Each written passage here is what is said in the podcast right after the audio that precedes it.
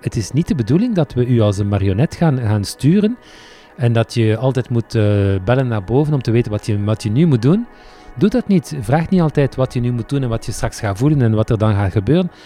Laat je leiden door het leven. Weet dat het leven een bepaalde logica heeft en dat die levenslessen die op jou wegkomen uitdagingen zijn om jouw bewustzijnsniveau naar een hoger niveau te brengen en leren aanvoelen. Dus heel dikwijls zegt de gids, draai je blik om. In plaats van in de buitenwereld iets te gaan veranderen, kijk wat jouw ervaring is. Kijk naar wat ervaar ik? Wat is er geraakt in mij? Ik mag genieten van dit avontuur van bewustwording, van, van bewustzijnsverruiming.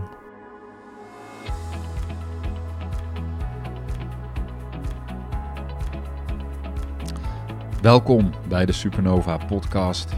Leuk dat je luistert naar deze nieuwe aflevering, uh, waarin ik in gesprek ga met Vincent Klaas Bouwaar.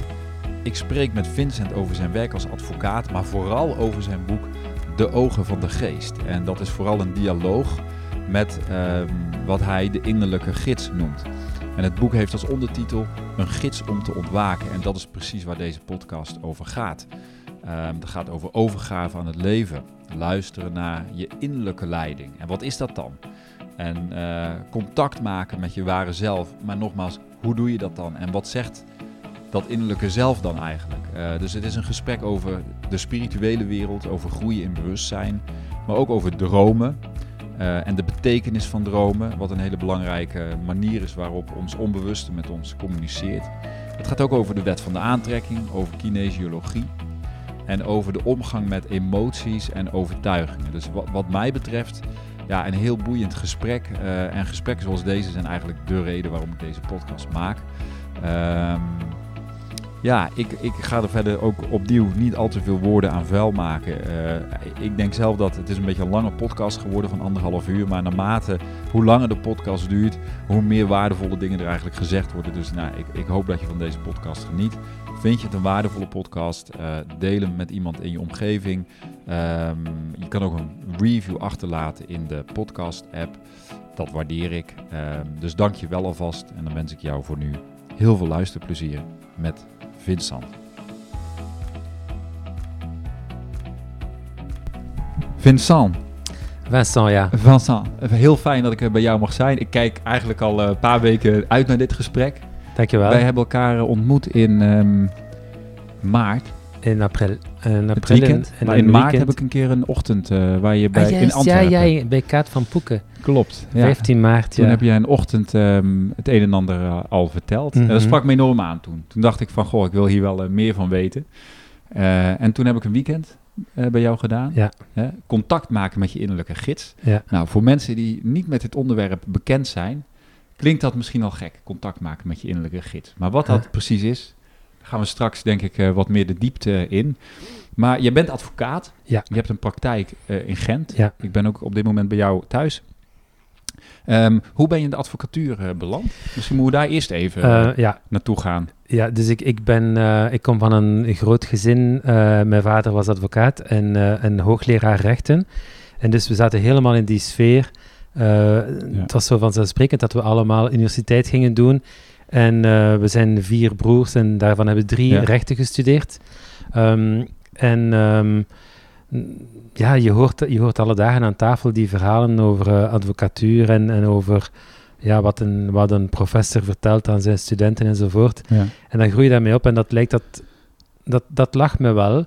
Um, ik zag dat wel zitten, het communicatieve, het relationele, het, um, het omgaan met mensen, het omgaan met conflicten en moeilijkheden. Um, ik zag daar wel iets in, al had ik in, in, in de middelbare school, uh, was ik eerder de richting van ingenieur opgegaan. Okay. Ik was uh, Ja. heel, een heel wiskundige richting gevolgd. Maar um, ik heb dan toch de, de stap gezet naar de advocatuur. Ja. En um, ja, ik heb natuurlijk in de loop van de jaren wel wat twijfels gehad, maar uiteindelijk uh, ben ik al 37 jaar advocaat.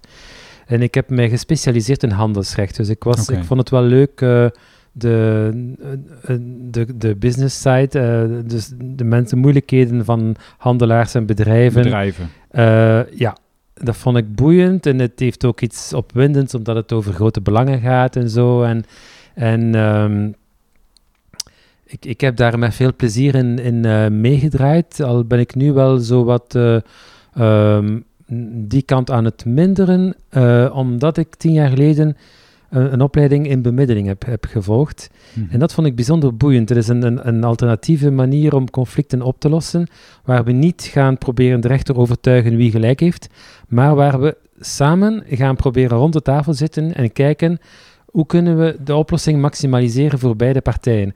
Hoe kunnen we zien, kijk, wat zijn mijn belangen, wat zijn jouw belangen, uh, wat zijn de, de, onderliggende emoties van de ene, van de andere, uh, wat betekenen ze, uh, hoe kunnen we ze positief omzetten, waar kunnen we, waar hebben we synergieën en waar kunnen we meer uithalen. En uiteindelijk gaan we, groeien we zo naar een oplossing en het conflict stopt wanneer beide partijen ondertekenen dat ze akkoord gaan met een oplossing. Ja. Terwijl een conflict bij de rechtbank stopt als de rechter zegt hoe het zal zijn. En dan is meestal één van de twee heel boos en soms de twee. ja, precies. Ja. Daar heb je ook genoeg meegemaakt. Ja, ja absoluut. Absoluut. En de, je, je bent dus nu vooral bemiddelaar? Uh, uh, niet vooral, of... niet vooral. Maar je moet weten, in, uh, ongeveer minder dan 1% van de zaken eindigt in bemiddeling. Okay. In, mijn, in mijn praktijk is dat misschien 20%. Dus dat is dus niet vooral. Maar het is wel een, een, Een groeiende. een, een, een, groeiende, belangrijke tak. En in mijn praktijk veel meer dan, dan in de gemiddelde praktijk. Ja, ja, ja. Ehm, je, hebt de, je vertelde me net even, echtscheidingen zijn een, Ja. eh, Dus dat, eh, iets... bemiddeling ja, draait, draait heel veel rond echtscheiding. een, passie, maar wel de bemiddeling daarin. Ja, ja, ja. Het is natuurlijk als jonge, als jo- jong advocaat vond ik dat verschrikkelijk dat mensen zouden scheiden en, en, en dat je dan, want je hebt zelf een jong koppel en dan wil je, je wilt je dat niet voorstellen. Maar geleidelijk aan word je daar professioneler in en, en eh, het is niet de echtscheiding op zich die mij boeit, maar het is wel mensen begeleiden in, in het eh, positief eh, beleven van een conflict. Ja. En het, in het begrijpen van, van de spanningen en van het conflict. En, ehm, en in een echtscheiding staan mensen heel, helemaal in een blootje. Ze zijn heel verlegen rond de situatie. Het is heel delicaat. Het, het, het raakt veel vlakken, zowel financieel als persoonlijk, als emotioneel, als, als eh, familiaal, als tegenover de kinderen. En eh, als je dat eh, zowel professioneel als diep menselijk aanpakt, kan je heel veel vooruitgang boeken. Ja. En, en kom je tot een oplossing waar mensen echt allebei tevreden zijn en, en je bedanken. Ja. Ehm, maar Ja, hoe som- pa- je vertelde net even hoe je dat aanpakt. Jij gaat vragen stellen aan jou. ik, begin, ik begin altijd met te vragen aan de mensen om wel te checken of dat ze echt wel willen scheiden, of dat ze het zeker weten. Want dikwijls zijn de mensen in een soort pre-scheidingsfase, in een conflictuele, woelige fase. En dan eh, komen ze bij mij en, en als ik letterlijk vraag, maar zijn jullie zeker dat jullie gaan scheiden? Is er een van de twee zeker dat de relatie definitief over is? Eh, en dan eh, zegt die persoon soms ja, soms nee. Maar als ik voel dat, eh, dat er nog een, een grasprietje hoop is, dan ga ik daar eerst naar kijken. En mensen zijn wel een beetje verbaasd, omdat ik advocaat ben, maar ehm, tot nu toe altijd bijzonder tevreden dat ik dat ook uitpluis en dat ik ook zeg, maar ik voel dat jullie nog niet op het kantelmoment gekomen zijn. En zolang dat er hoop is en een verlangen is, al is het maar een kleintje, eh, dan wil ik dat we daar even de aandacht op richten en, en dat we gaan luisteren.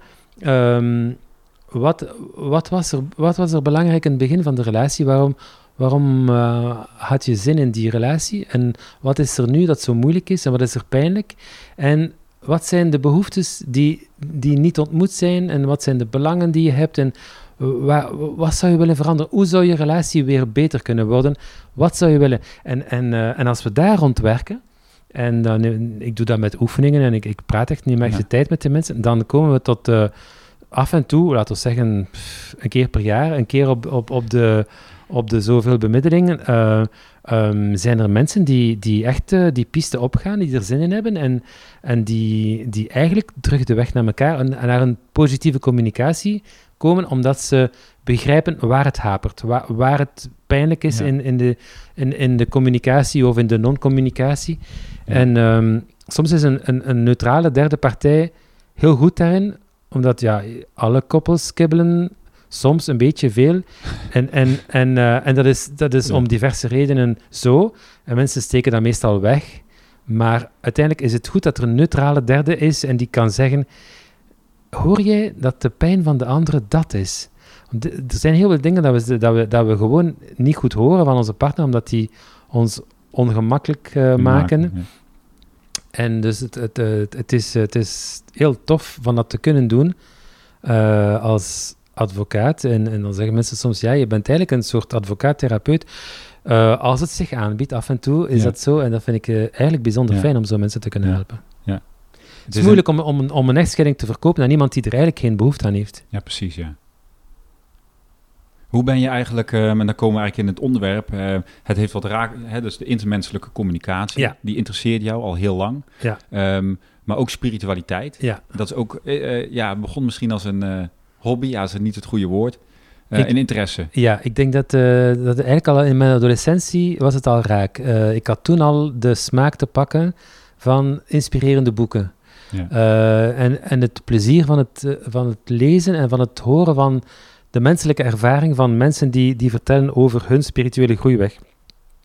En ik heb dus heel veel gelezen, want aangezien dat het mij altijd deugd doet, ja, wat doe ik als ik op vakantie ga? Ik pak altijd wel een boek mee, of twee of Mhm. drie.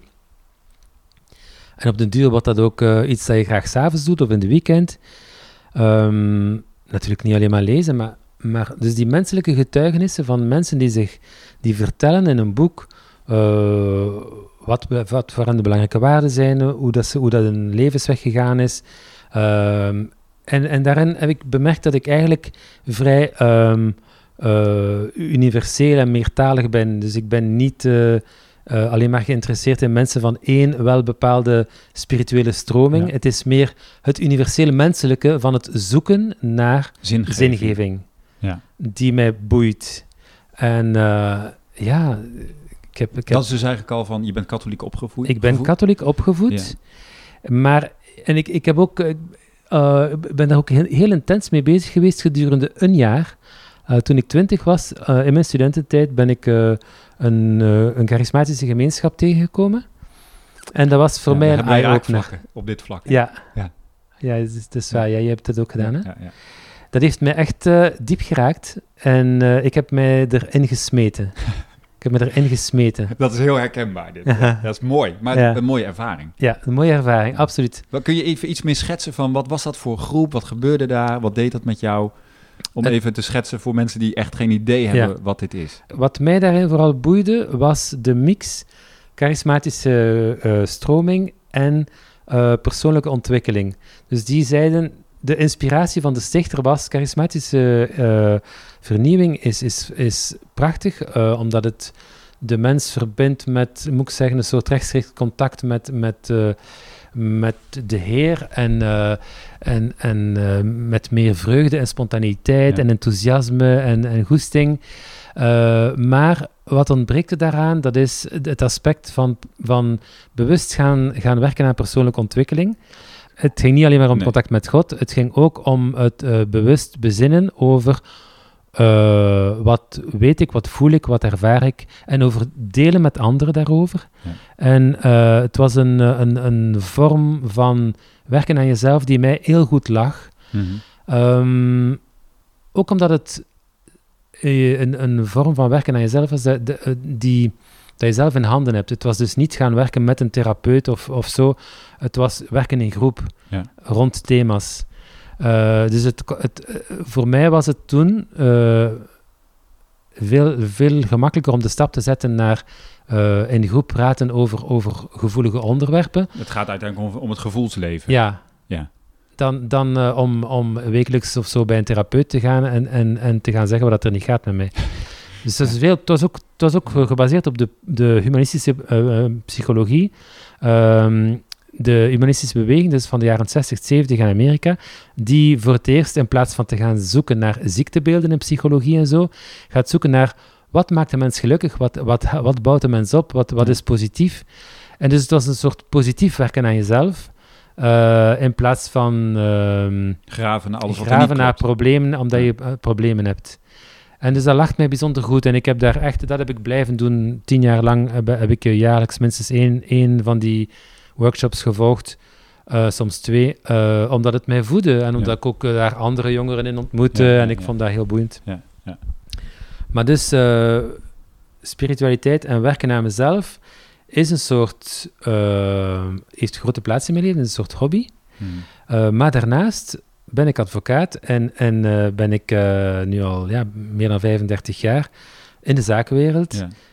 het is en, een, eigenlijk een vrij uitzonderlijke combinatie. Ja, ik vind van niet. denken? Ik vind van niet. Ik vind, ik vind dat het... Me, ja, ik, ik- Hè, de spirituele mensen noemen we toch wel vaak hè, zweverig. Hè, Ja. Die zijn een beetje out there.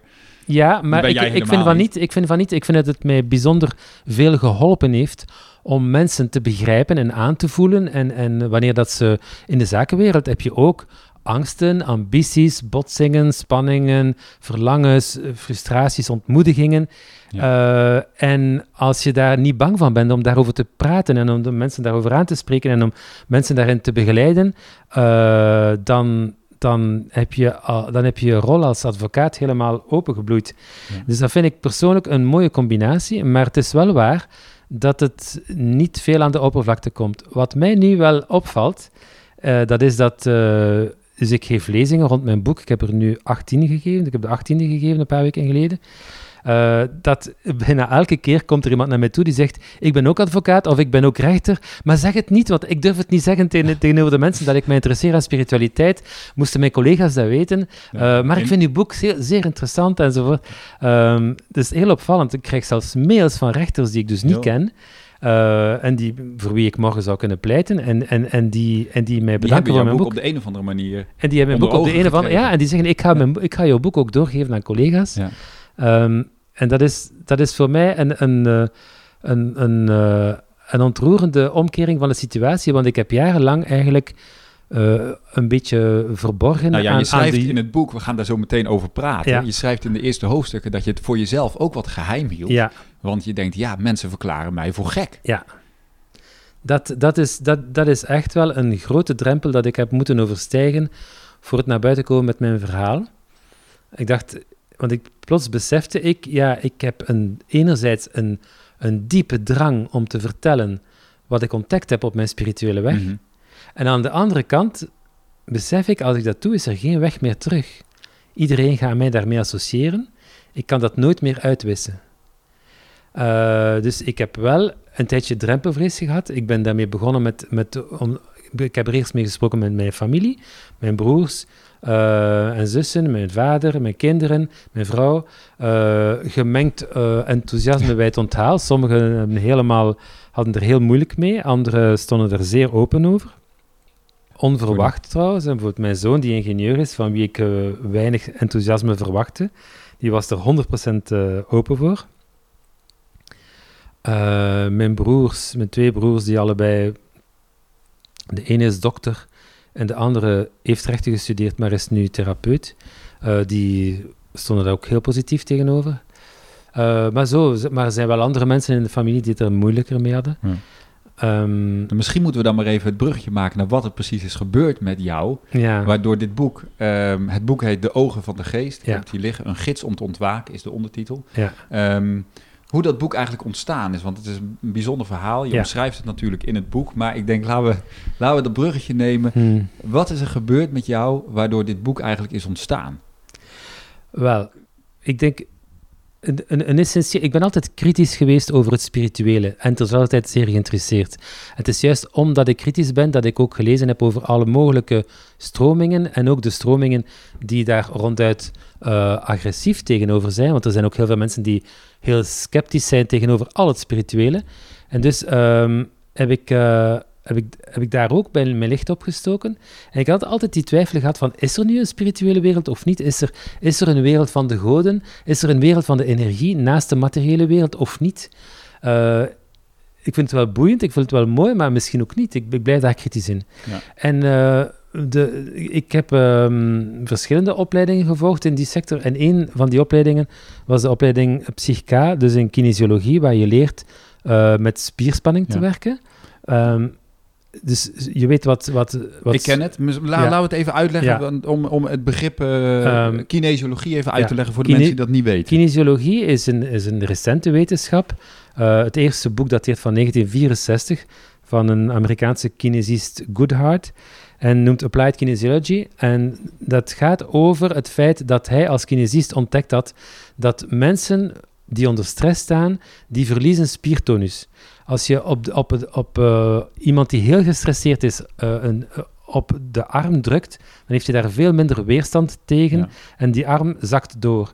Terwijl iemand die zich heel goed voelt, eh, daar kan je met dezelfde druk op duwen en die kan perfect weerstaan aan de Ja. druk. We noemen dat een sterke of een zwakke spier. Een sterke of een zwakte Precies. spier. Maar eigenlijk, wat er concreet gebeurt, is dat de spiertonus die nodig is om uw spier sterk te houden, valt weg bij stress. En dat kan je heel eenvoudig checken door gewoon eh, aan de testpersoon te vragen: beeld je in dat je in een heel stresserende omstandigheid zit? Bijvoorbeeld, je hebt net eh, op de autostrade een auto-ongeluk voor jou zien gebeuren. Je hebt net op tijd kunnen remmen, je stapt uit je auto. Of je zit in je de. staat eh, te trillen op je, je staat te trillen op je benen, je armen, je kunt met moe- moeite je, je deur vasthouden.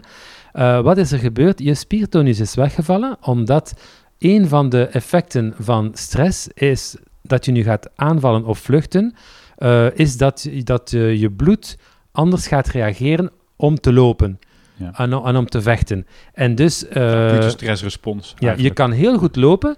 Vandaar dat mensen in, in, in auto-ongevallen soms niet een, een onweerstaanbare drang voelen om te vluchten. Een vluchtmisdrijf te plegen. En twee minuten later zeggen, ik weet niet wat ik gedaan heb, maar ik, ik, ik moest weg. Ja. Ehm, en dat is, dat, dat is de stressrespons. Wat gebeurt er als je dus in een hoge stresssituatie zijt? Dan neem je achterste brein het, het over en die zegt, oh, paniek, gevaar, aanvallen of vluchten. En die kiest op een onbewuste basis. Die kiest dus niet bewust. Je hebt, je hebt eigenlijk al gekozen voor aanvallen of vluchten voordat, Voordat je er bewust van dat bent. je bewust van bent. En dat je daarna leg je uit waarom, maar je hebt het al gekozen. Ja.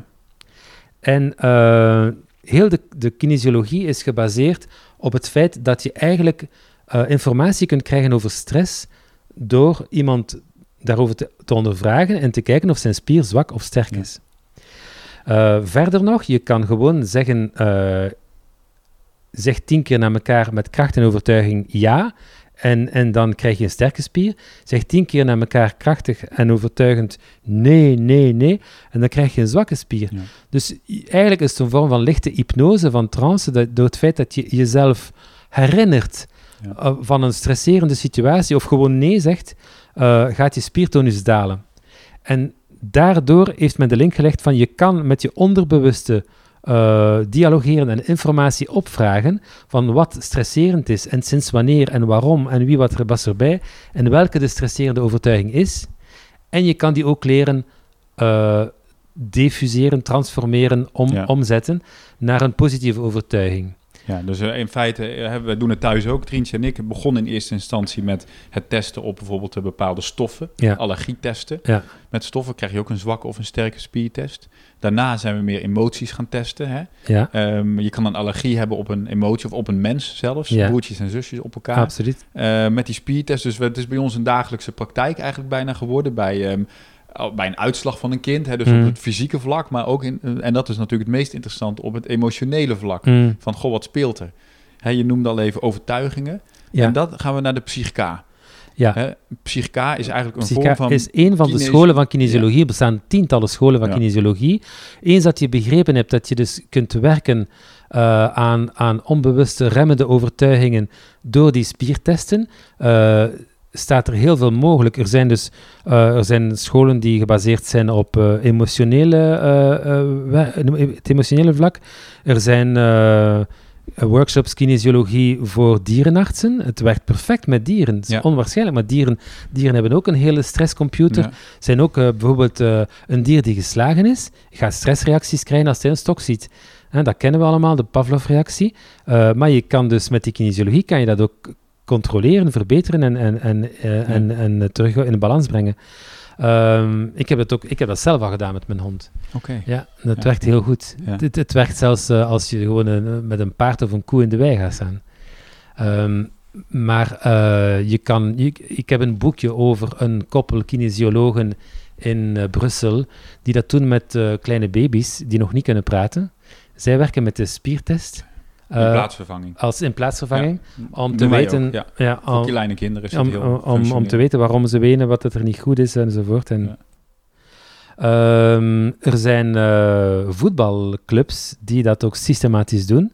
Eh, ik weet, ik, ik, ik sprak toevallig, ik werd geïntroduceerd op een feestje van een vriend met iemand die zei, ja, eh, kijk, en dat is eh, Vincent die advocaat is en dat is Philippe die kinesist is. En ik zei, ah, ken u soms kinesiologie? Ja, zegt hij, ik ben ook kinesioloog en ik ben de kinesioloog van voetbalclub Genk in België, die een van de voetbalclubs Ja. van, van de eerste divisie. En zegt, ja, en wij, wij ontvangen elke dag twee spelers en we gaan elke dag kijken, wat verhindert u om 100% jezelf te geven op het veld? Zo. En dat kan emotioneel, relationeel, Ja. fysisch, eh, biologisch, chemisch, eh, voeding, Noem maar op. Ja. noem maar op. En dan gaan we dat daaraan werken. En zegt hij, dat wordt eigenlijk veel gedaan, maar dat is momenteel nog in het, eh, in het geheime hoekje. Maar weet je, AC Milan doet dat ook, en die Ja. club doet dat ook, en die club doet dat ook. Eigenlijk logisch, want je krijgt zoveel informatie. Het lichaam geeft zo ontzettend veel informatie. Het zou dom zijn als je het niet benut. absoluut. Absoluut. Maar dit is dus eigenlijk iets dat, dat nog een beetje in, voor veel mensen in de schemerhoek zet. Voor want- mensen is het ook een beetje Ja. onbegrijp, Ja. on, on- ongrijpbaar van wat is het dan precies. Maar aan de andere kant heeft het wel, eh, voor mij die, die toch sceptisch staat tegenover veel spirituele gekleurde verhalen, ehm, heeft het wel iets eh, geruststellend. Dat is dat je kunt testen, je kunt meten, je kunt daar handboeken over, Ja. over lezen, je hebt eh, logische eh, procedures, ehm, je begrijpt waar er fouten kunnen zijn. eh, en waarom en hoe dat je dat kunt vermijden. Terwijl eh, bijvoorbeeld, ik heb heel moeilijk met astrologie en zo van die dingen, of numerologie. Waarom? Stel dat er iets waarin, waarin zit. Het probleem is dat eh, als je aan drie astrologen vraagt om een thema te maken, over een relationeel thema tussen twee mensen, dan krijg je mensen met veel goede bedoelingen een verhaal schrijven, maar het is een interpretatie. Het is alsof dat je aan drie schilders vraagt om een landschap te maken.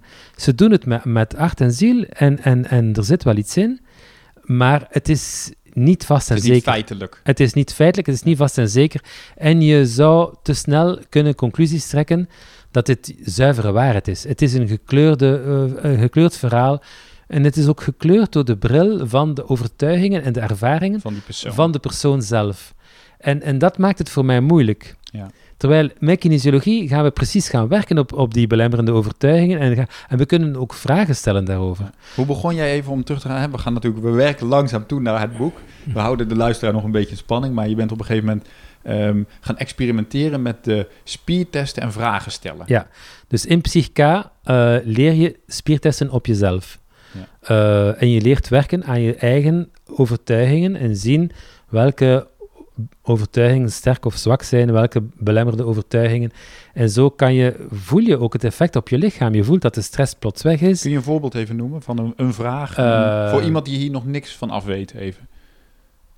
Ja, eh, stel je voelt een knoop in je buik, je voelt je gespannen en je, je kan er niet goed achter komen wat dat er aan de hand is. En je laat je leiden door spiertesten om te vragen in de lijsten van overtuiging op welke sta ik zwak. En de spiertest duidt u die aan, je ontkoppelt die, je affirmeert de omgekeerde positieve overtuiging. Ehm, bijvoorbeeld, je stelt vast dat, eh, dat, dat een situatie met een persoon eigenlijk de oorzaak is van jouw spanning. En eh, de spiertest wijst u op ehm, de overtuiging die zwak staat, is eh, ik vergeef anderen en ik neem mijn verantwoordelijkheid voor mijn leven. En de overtuiging die bij jou sterk staat, is de omgekeerde, negatieve. eh, ik, ik beschuldig anderen van mijn problemen. En dan zeg je, verdorie. En dan, dan laat je dat binnenkomen en veranker je dat en zie je dat de stress weg is. Dus het is een, een De krachtig... laat eigenlijk zien waar bij jou de bottleneck zit over een overtuiging Ja. die je hebt, die gekoppeld is aan een bepaald gevoel of een Ja. relationele sfeer.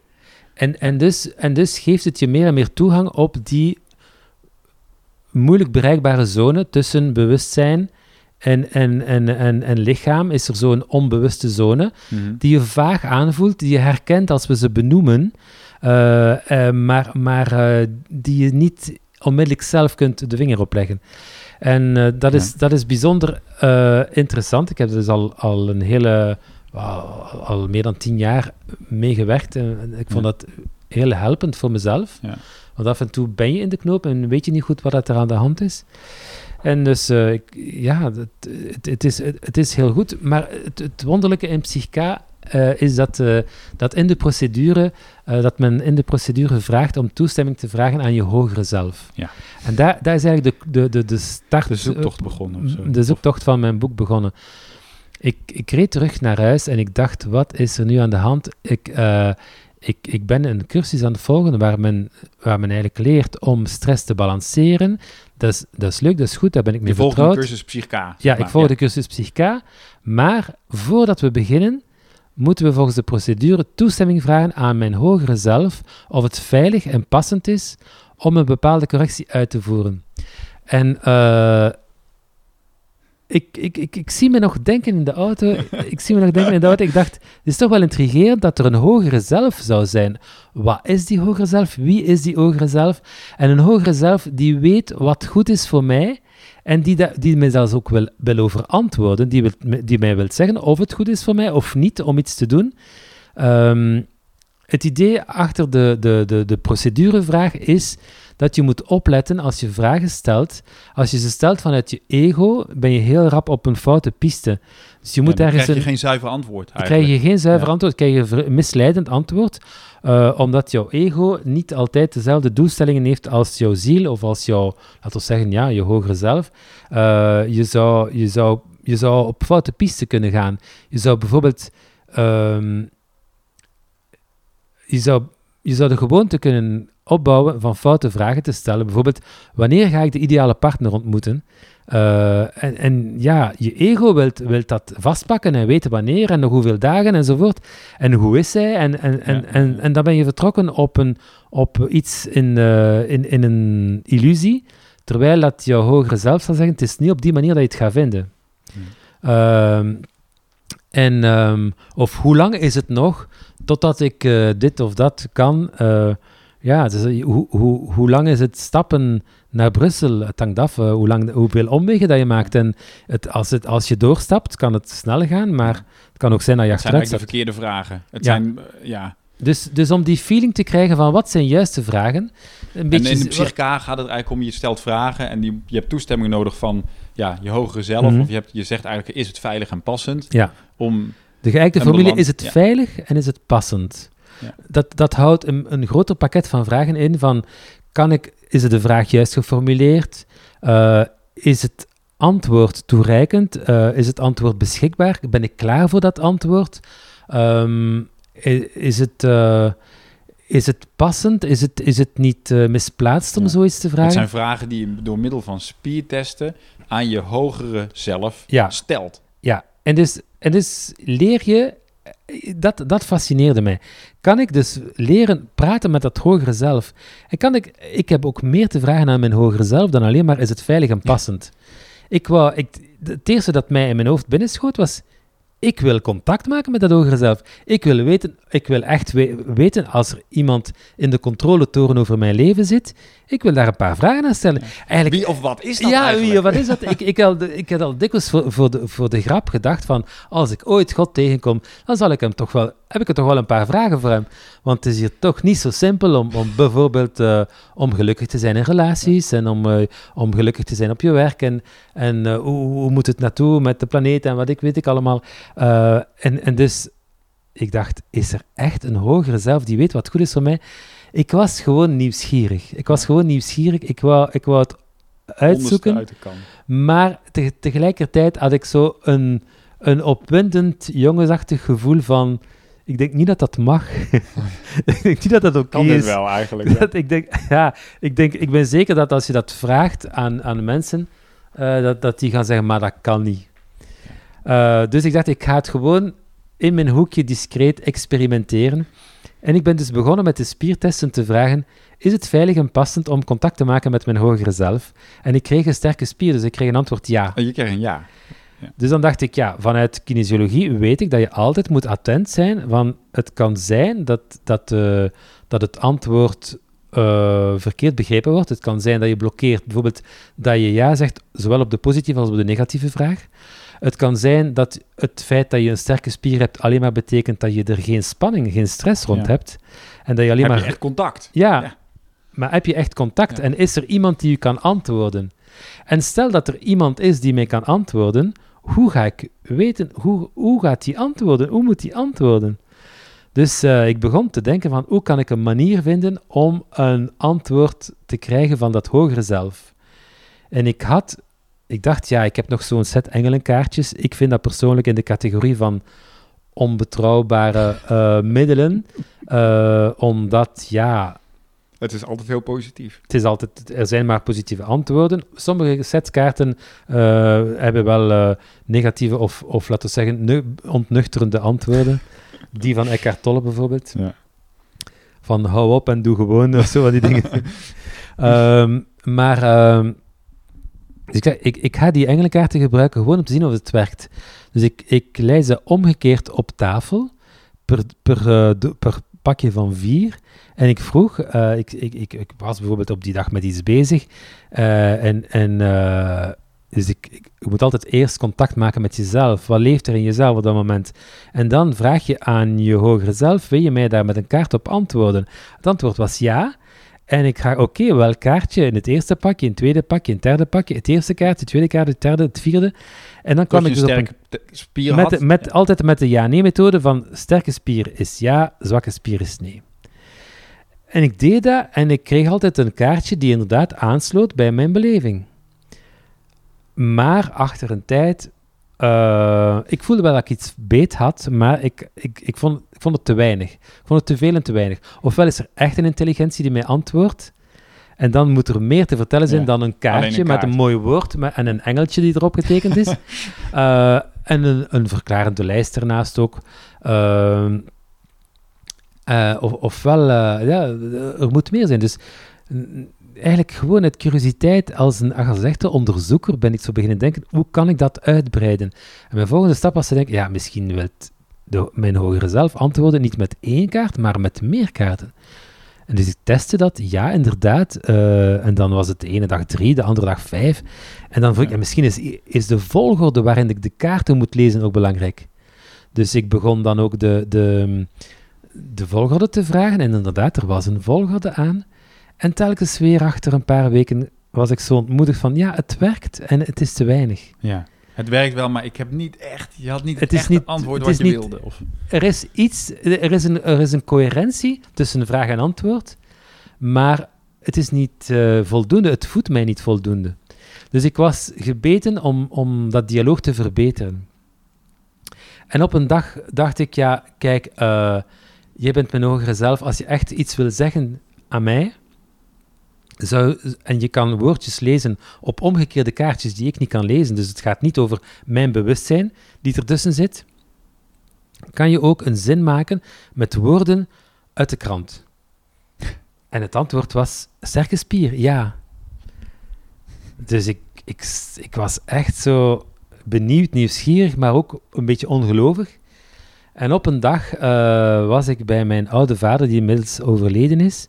Uh, die was toen 94 en het was al uh, drie, vier jaar geleden. En um, hij, hij, was, was toen zorgbehoevend en dementerend. En we hadden afgesproken dat ieder kind om beurt een weekend bij hem zou inwonen. En dus inkopen doen, koken, wat met hem praten en begeleiden, hem de arm geven om van de stoel naar de, naar, naar de tafel en naar het bed te gaan en hem, hem helpen bij het wassen en zo. Maar het, het, leuke van die weekends was dat het voor mij ook heel rustige weekends waren, waar ik kon lezen en schrijven en nadenken en, en zo. Ja. En dus, uh, het was in Gent hier? Het was hier op 15 kilometer van hier. En dus uh, uh, ik, ik vond dat wel leuk om zo'n weekend bij hem te gaan. het was voor mij altijd een soort bezinningsweekend, want eigenlijk de, het meeste van de voormiddag en van de namiddag zat hij gewoon te lezen of in te dommelen in zijn zetel in de living. En dus, um, maar het feit dat hij een beetje zijn, zijn verstand verloor, zo licht Alzheimer had, um, of toch zijn geheugen. Want hij had een zeer goed oud geheugen. Hij kon nog vertellen over uh, dingen die hij in het Latijn geleerd had op school, maar het korte termijn geheugen ging eruit. En, en hij wist, als we uit de kamer waren, wist hij niet meer wie dat er voor hem zorgde dit weekend en zo. En het was, een, het was in oktober en ik had erg zin in een mooie oktoberwandeling, want het was zo zonnig, stralend, gouden weer met die typische geur van dorre populierenblaadjes. En ik had echt goesting in een grote wandeling. eh, in de buurt. Het is helemaal op de boeren buiten. En eh, ik wil gaan wandelen, maar ik dacht, ja, wat als, als hij mij gaat zoeken in het huis en, en dan gaat hij misschien vallen. Hij is al twee, drie keer gevallen. Als, als hij zijn heup breekt, dan, dan, dan is hij ten dode opgeschreven Ja. voor een oude man. eh. En, en, eh, dus ik dacht, ik- het niet veilig. het is niet veilig, ik ga thuis blijven, maar aangezien dat hij rustig in zijn zetel is, ingedommeld, eh, is het misschien tijd om, om, eh, om dat experimentje te doen. En dus ik haal een krant naar boven, ik verbind mij, dus het is wel belangrijk om altijd eerst jezelf te verbinden en te voelen dat je die, die trilling, die hogere trilling van je ziel bereikt. Dat je niet gewoon druk bezig bent met van alles. Ja, het is niet zoals... ga ik, eh, meditatieve houding. ja, een soort, meditatieve soort, sfeer. ja, ja. Dus het is wel zo, Ja. en dat doet er blijkbaar wel toe hoor. Dat je, eh, dus ik, ik mediteer al, al, al, al meer dan twintig jaar vrij regelmatig. Eh, en, en dat heeft wel zijn belang. Dat je vrij snel kunt switchen naar die, die meditatieve, rustige sfeer, toestand in jezelf. Ik, ik heb dat nodig, ik doe het nog altijd elke morgen. Ehm, en dus ik ga in die, in die rustige sfeer en dan vraag ik aan mijn hogere zelf, is het veilig en passend? Wil je mij nu een zin geven, maar dan, wat ik, wat ik eigenlijk graag zou willen, is een zin die specifiek op mij nu toepasselijk is. En niet zo'n algemene zin van, eh, eh, eh, van leef met je hart open of zo. Allee, zo goed bedoelde wijsheid die eigenlijk voor iedereen en voor niemand geldig is. En eh, het antwoord was ja. Dus dan vroeg ik, oké, op welke bladzijde ga ik ze vinden? En dus met de spiertest, met de ja-nee-methode, vroeg ik bladzijde 1, 2, 3, 4, 5, totdat de spier sterk was. En dat was bladzijde 7. Dus ik sla mijn krant op bladzijde 7. Ik zeg, hoeveel woorden moet ik zoeken? Dan kwam ik op 12. Dus ik neem de eerste kolom, ik zoek daar lijntje per lijntje welk woord, eh, waar ik een woord zou vinden. En ik onderstreep die woorden. Tweede kolom, derde kolom enzovoort. Ik zet al Het die waren niet woorden... allemaal woorden. Het was niet een hele zin. Dus. Nee, het was niet de hele zin. woorden, Ja. Losse woorden. Ik, zet die, ik had gevraagd, een zin met twaalf woorden had ik gekregen. Ik zet die twaalf woorden achter elkaar en dat betekende helemaal niks. dus ik dacht, eh, oké, dit is nu wel het bewijs dat behalve een soort vage toevalligheid met engelenkaartjes, er eigenlijk niks aan te zoeken is. En ehm, toen dacht ik, ik ga mijn krant toedoen, maar ik dacht nog na, een laatste vraag. Is er misschien een volgorde waarin ik die woorden moet zetten? En ja, inderdaad. Oké, wat is het eerste woord? Dat. En wat is het tweede woord? Dat. En wat is het derde woord? Dat. En wat is het vierde woord? Dat. En, ehm, en op die manier kwam er wel een zin te boven. En die zin was... ehm, de vader is rustig, helemaal niet gestoord, gaat wandelen, mijn zoon. Ik dacht, wat is dat nu? Dit is inderdaad heel toepasselijk op mij, op mijn vader, op wandelen en dan nog mijn zoon daarbij. Ik was zo opgewonden, ik heb mijn vest gegrist, ik ben naar buiten gelopen en ik ga die wandeling nooit vergeten. Ik was echt zo opgewonden als een kieken. En, en ik dacht, maar tezelfde tijd, de, de vragen stroomden door mijn hoofd, want ik dacht, als ik dit opnieuw kan doen, heb ik echt iets belangrijks ontdekt. En daarbij, als ik echt iets ontdekt heb, dan gaat niemand mij geloven. Op de eerste plaats mijn gezin niet. Dus ik was in opperste spanning, eh, als, als een... Ja, wat gaat er dan door je heen? Ja. ja. ik dacht, ja, rustig, tot, eh, tot kalmte en, en eh, we gaan dit gewoon checken. We gaan niks zeggen, we gaan het gewoon elke dag van de week opnieuw proberen. En we zien maar wat er komt, rustig, rustig. En eh, ik heb dat inderdaad in de, de week daarna, dus ik heb dat aan niemand durven vertellen, van hé, hey, ik heb een rechtstreekse lijn met God. Je Eh, voelde dat eigenlijk zo? Of, dat voelde eh terzelfde tijd fantastisch en terzelfde tijd ongeloofwaardig en onwennig. Want ja, ja, want door, de zin mijn zoon zou je denken, god, dat is inderdaad een soort vader. ja. Dus dat was, dat was eigenlijk zo, zo over, overdonderend dat het ook gevaarlijk was. Dus ik had ook zoiets van, moest ik dat horen van iemand anders? Ik, ik zou denken, man, jij flipt, jij moet, eh, jij moet ergens gaan afkoelen in, in, in een speciale instelling. Eh, er zijn er nog, ik heb er, ik heb er al een paar zo Ja, ontdekt. je hebt echt gedacht dat je even misschien het, het kwijt zou, was. het zou best mogelijk zijn, en ik heb er al ontdekt, in mijn, ik heb er al ontmoet in mijn leven. Eh, er, zijn ook, er zijn ook heel wat allee, bekende gevallen van eh, mensen die al of niet heilig werden verklaard, of juist er compleet over waren en daarom krankzinnig werden verklaard. Maar mensen die mystieke ervaring hebben, de contact, rechtstreeks contact met het goddelijke, eh, dat is een interessant thema. Er zijn door de eeuwen heen heel veel mensen die dat meegemaakt hebben. Eh, en nu nog zijn er heel veel mensen die daarover spreken en die daarvoor uitkomen. Ik heb natuurlijk dat achteraf ook mijn onderzoek gedaan van ik wil nu weten, ben ik de enige die zoiets meemaakt? Blijkt dat er heel veel mensen eh, daarover schrijven. Laat, laat staan dat er nog tien keer meer mensen of Ja. honderd keer meer mensen dat beleven. Ja, op Maar- allerlei andere manieren. Op, op allerlei andere manieren. Dat ze, dat ze in het privé, in het gewoon eh, in het huis, in keuken eh, mensen of in de kloosters of grote be- beroemde, beroemde heiligen of ook grote bekende schrijvers. Paulo Coelho, die man heeft meer dan 100 miljoen boeken verkocht. Lees zijn biografie, je zult zien dat hij voor zijn eerste boek, De Alchemist, heeft hij een intense mystieke ervaring Hmm. gehad, die juist de basis was van zijn missie als schrijver. En zo zijn er heel veel. Eh, eh, Elisabeth Kubler-Ross, die, die, een Zwitserse arts die heel bekend is geworden als eh, voorloopster van palliatieve zorg en servicebegeleiding. Ja. Prachtige boeken geschreven. Die spreekt ook honderd uit over haar dialogen met haar engel. Ehm, ehm, Ja, in het boek, jij, jij spreekt hè, je, contact maken met je, je hogere zelf. Ja. Je noemt het soms je gids, Ja. engelen. Eh, zijn het eigenlijk allemaal termen die hetzelfde aanduiden? Ik vind het toch even belangrijk om daar misschien Eh, even... Ja, in, in het, ik heb die vraag zelf ook gesteld, want het was soms verwarrend. Ik, ik sprak in het begin de, de andere aan als mijn hogere zelf. Maar ik heb gezien dat tientallen keren eh, die andere zinnen koos. Want daar moet ik nog even tussen zeggen. Heel snel zijn we overgestapt van zinnen geconstrueerd eh, uit afhankelijke onafhankelijke woorden. Dan, na een week heb ik gezegd, wil je mij alsjeblieft volzinnen geven die, die reeds klaar zijn voor gebruik, want ik vind het heel vermoeiend als, als ik telkens woordjes moet, eh, moet samen puzzelen en knippen en plakken. En onmiddellijk kreeg ik ja als antwoord, en sindsdien heb ik altijd volle zinnen gekregen, heb ik altijd gevraagd, geef mij zinnen dat ik niet, niks aan moet veranderen. Ja, want je bent begonnen met een, kra- met een krant en later ben je boeken uit je studie ja. gaan gebruiken. Ah, eerst was het de krant. Op een bepaald moment eh, ik- stelde ik een vraag en kreeg ik geen antwoord. Kreeg ik wel een antwoord, maar niet uit de krant. En toen was ik even, even in paniek. Hoe ga je me dan antwoorden?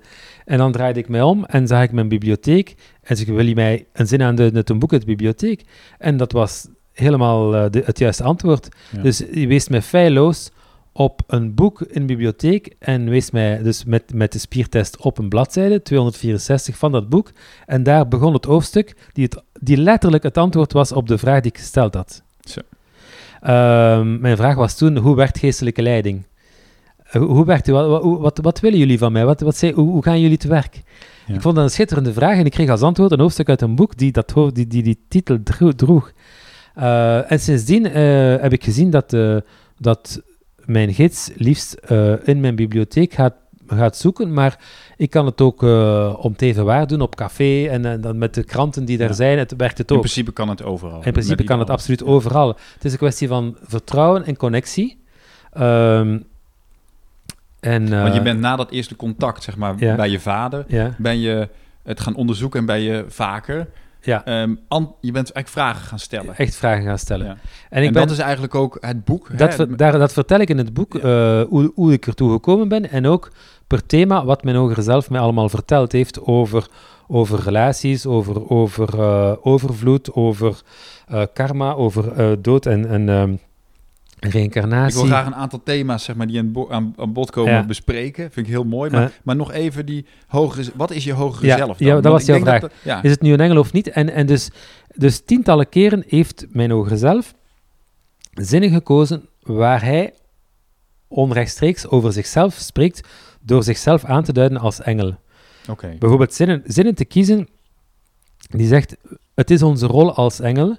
Wij mogen je niet alles vertellen, want als wij, had, had ik jou, als, je, als de engelen je alles op voorhand vertellen, dan kun je het niet integreren. Je moet eerst door een ervaring gaan die jou een gemis brengt, waar dat je in jou de honger en een vraag krijgt, waardoor dat je iets weet.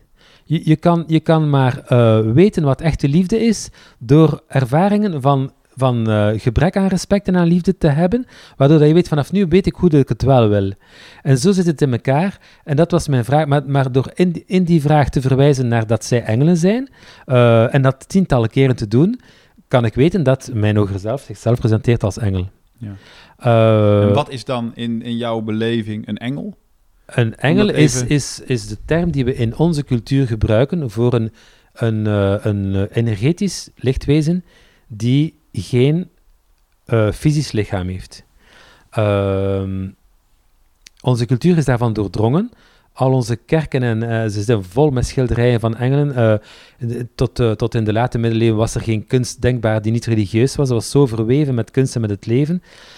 Zoveel eh, steden hebben namen van, van engelen of, of, van, eh, of noemen Los Angeles of ik weet niet wat. eh, zoveel verwijzingen naar, naar het feit dat vroeger iedereen leefde met die, die, dat, dat aanvoelen van de onzichtbare wereld. Terwijl nu we wel in een, in, een, in een wereld zijn gekomen waar heel veel mensen denken die onzichtbare wereld, dat is eigenlijk een sprookjeswereld, dat is eigenlijk niet echt, dat is een beetje gelijk Sinterklaas. eh, dat is een legende, maar dat is eigenlijk niet echt. Eh, ik, heb altijd, ik heb het altijd intrigerend gevonden en ik ben er altijd zo een beetje sceptisch in geweest. Dus niet dat ik zo gemakkelijk wegliep met alles wat over engelen verteld werd, maar ik dacht altijd, maar, maar moest het eens waar zijn dat er spirituele wezens zijn? En is er een plan? Is er, is er een goddelijk plan? Zijn er lichtwezens die ons daartoe helpen? Wat is de richting? Wat, hoe moeten we vooruit? Daar, daar zijn mensen toch al, al, eh, al eeuwen en eeuwen in alle culturen mee bezig. In alle culturen. Alle culturen streven naar het feit van mensen moeten elkaar ondersteunen om te evolueren van het dierlijke egoïsme, eh, van geweld, macht en seks en alles naar je toe trekken, naar samenhorigheid, solidariteit, liefde, hogere, hogere waarden. Eh, daar, draait, daar draaien alle religies rond. En, en, en met andere legendes en andere verhalen, maar het draait altijd rond dezelfde thema's. Ja. Dus eh, dat universele van de engelen, dus mijn, mijn hogere zelf stelt zich voor als, als een engel. Dat is een feit. Ja. Ehm, Ja, precies. Ik vraag het omdat ik denk dat het gewoon goed is om even dan neer te leggen van... ja, wat is dat dan? En Mm. hoe, wat voor beeld? Hè, in de boekjes een engel. Maar Hè, ik, maar licht, we hebben het over lichtwezens. Of Maar een ik- ik heb- onzichtbare... ik, heb, ik, heb ook, ik heb zelf de vraag gesteld en ik kreeg als antwoord: ik, wat, is het nu? Ben je nu een engel of ben je nu een hoger zelf? Hoeveel, hoeveel engelen zijn er? Is er een hiërarchie in engelen? Zijn er meerdere engelen? Zijn er hogere engelen? Eh, zijn er bewaarengelen? En, en ik, ik, heb daar, ik heb die vraag verschillende keren gesteld en ik heb verschillende antwoorden op gekregen. Eh, het mooiste was dat ze zeiden: maak je geen zorgen. Het is alsof, het is wanneer je een, een elektrisch apparaat in de stekker steekt. Dat je zou vragen, ja, maar ik wil weten welke elektriciteit ik krijg. Komt die nu van de windmolen, of komt die nu van een nucleaire eh, fabriek, of komt die nu van een zonnepaneel, of, of komt die nu van, van... Van waar komt die elektriciteit? Hij zegt, maak je geen zorgen. De elektriciteit die je nodig hebt, komt. En we zijn één, we zijn allemaal verbonden. Jij, jij kan dat niet goed snappen, maar wij zijn allemaal één. Ja. En, eh, en ehm, eh, ja, de- dus, dus die, die, die vraag is eigenlijk een vraag die wij niet goed kunnen begrijpen. Ja. Zo, Dus je bent, je bent vragen gaan stellen. ja. Ehm, wat voor vragen ga je stellen dan? Je hebt contact. Je Met- hebt contact en, en, en, dan, en dan, stel je, dan, dan is natuurlijk de interessante vraag. Blijkbaar moet ik de vragen stellen. Als ik geen vragen stel aan dat hogere zelf, of wa- wat mensen God noemen, of een engel, of wat het ook is. Als ik geen vragen stel, ga ik geen antwoorden krijgen. Dus ik vond het wel heel opwindend, van, heel uitdagend van te beseffen. Dit, dit dialoog zit in mijn handen. Ik moet ervoor waken dat ik het op gang krijg en dat ik het op gang blijf, op dreef blijf Ja. houden. En dus, wat zijn goede vragen? En dan ben ik beginnen denken, wat zou een goede vraag kunnen zijn? Een van de leuke vragen dacht ik, waarom ik? Waarom overkomt mij dit? Ehm, en het antwoord was prachtig. Het antwoord was, eh, wij vinden geen woorden om te zeggen hoeveel we van je houden. Dat vond ik zo ontroerend. En tegelijk besefte ik, dit is niet echt een antwoord op mijn vraag. Nee. het, is, het is eigenlijk een manier om te zeggen, eh, je bent, ik, ik zou gedacht hebben dat zij, we zeggen het is omdat je al heel je leven spiritueel zoekt enzovoort, dat je al heel veel je best gedaan hebt. bezig. Je bent goed bezig. wij, we zijn trots op jou. Nee, het is eerder, dat is eerder wij houden enorm veel van jou.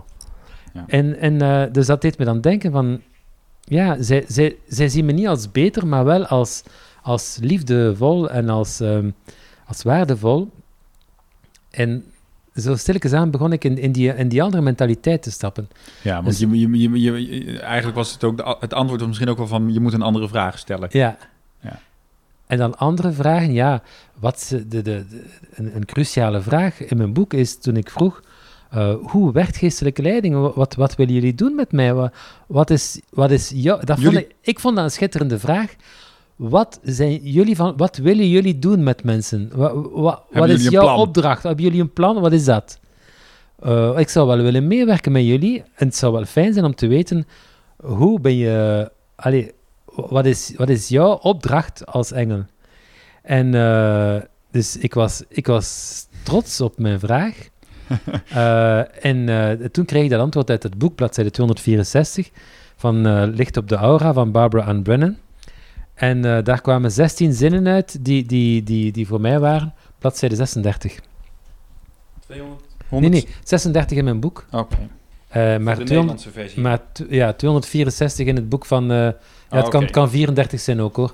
Eh 200, Ja, ja, ik heb ze hier. 264 in het boek van Barbara Ann Brennan. Ja. Die 16 zinnen over, ehm, over hoe werkt geestelijke leiding.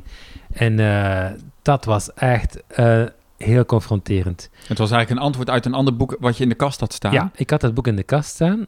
Ehm, en dan zei, die zinnen waren, jouw gids haalt je niet uit de narigheid, maar hij laat jou de verantwoordelijkheid. Eh, hij scheldt jouw karma niet kwijt, maar hij zal jou de instrumenten geven om, om, om ermee te kunnen omgaan. Jij moet zelf je karma-weegschaal in evenwicht leren brengen. Dat houdt in dat je levenslessen moet leren die je in vorige levens nog niet geleerd hebt. Ehm, en het volgen van jouw leiding zal jou die levenservaringen op jouw pad zetten. Een spiritueel leven leiden en jouw levenstaak volgen vraagt de bereidheid om jouw leiding te volgen, ongeacht de prijs. En jouw leiding wordt voor je persoon steeds moeilijker. Leiding en vertrouwen gaan hand in hand. Het is de bedoeling dat jouw leiding, dat jouw spirituele leiding, jou helpt door bepaalde gebieden van jouw psyche te gaan waardoor je vroeger geweigerd had te gaan. Want jouw leiding gaat je nemen door je diepste angsten naar je diepste vertrouwen. Dat is wel straf, hè, allemaal? Ja, ja. Jij En- vond het confronterend toen. Want Heel confronterend, af- om- omdat, je toen, omdat ik toen voelde, dit is niet meer vrijblijvend. Dit gaat over mij, over mijn transformatie, door, door iets hoger, door, door een spirituele kracht die mij wil begeleiden, be- begeleiden om mijn leven naar een hoger niveau te transformeren.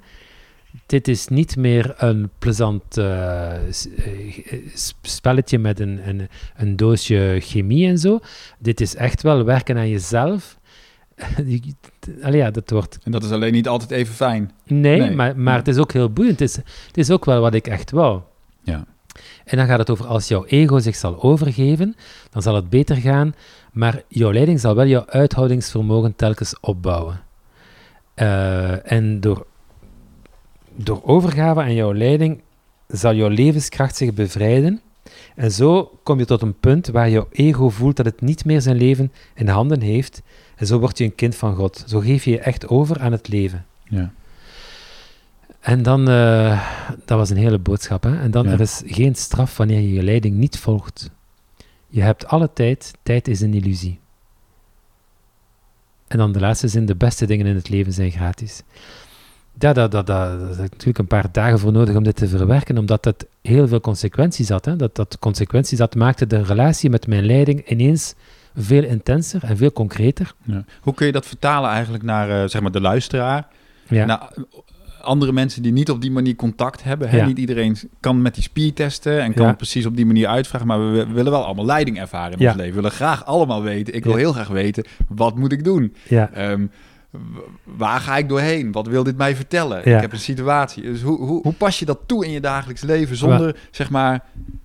Enerzijds, ehm, wat moet ik doen? Eh, dat, natuurlijk, mijn, mijn boek is al een hele dialoog van 18 maanden met Ja. mijn geestelijke leiding. Dus daar zit al heel veel antwoorden in die je helpen om te begrijpen hoe dat je anders kunt gaan staan in je leven. Eh, maar je leiding wil op termijn ook eh, je helpen om niet meer de vraag te stellen van wat moet ik doen? Want wat moet ik doen is eigenlijk jouw macht overgeven aan, aan iemand anders, terwijl je geestelijke leiding jou wilt doen groeien naar het punt waar je zelf een lichtwezen bent, waar je zelf die, die kracht en die bewustzijn in jou hebt en waar je niet meer jouw macht uitgeeft aan anderen. Zelfs niet aan een hogere macht dan? Zelfs niet aan een hogere macht, omdat je één bent met die hogere macht, omdat je gewoon vanuit vertrouwen en vanuit je hart leeft. Ehm, maar uh, die zegt ook dikwijls, ik ga je niet zeggen wat je moet doen. Uh, ik, heb, ik heb natuurlijk dikwijls gevraagd, wat moet ik doen in dit en in dat.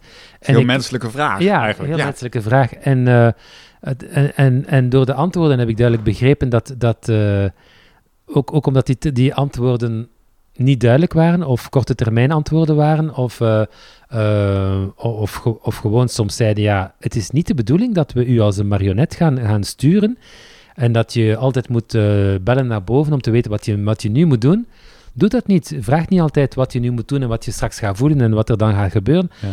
Laat je leiden door het leven. Weet dat het leven een bepaalde logica heeft en dat die levenslessen die op jou wegkomen uitdagingen zijn om jouw bewustzijnsniveau naar een hoger niveau te brengen. Je bent in een soort school. Een school van bewustwording, een school waar je leert jouw eigen schaduw te transformeren.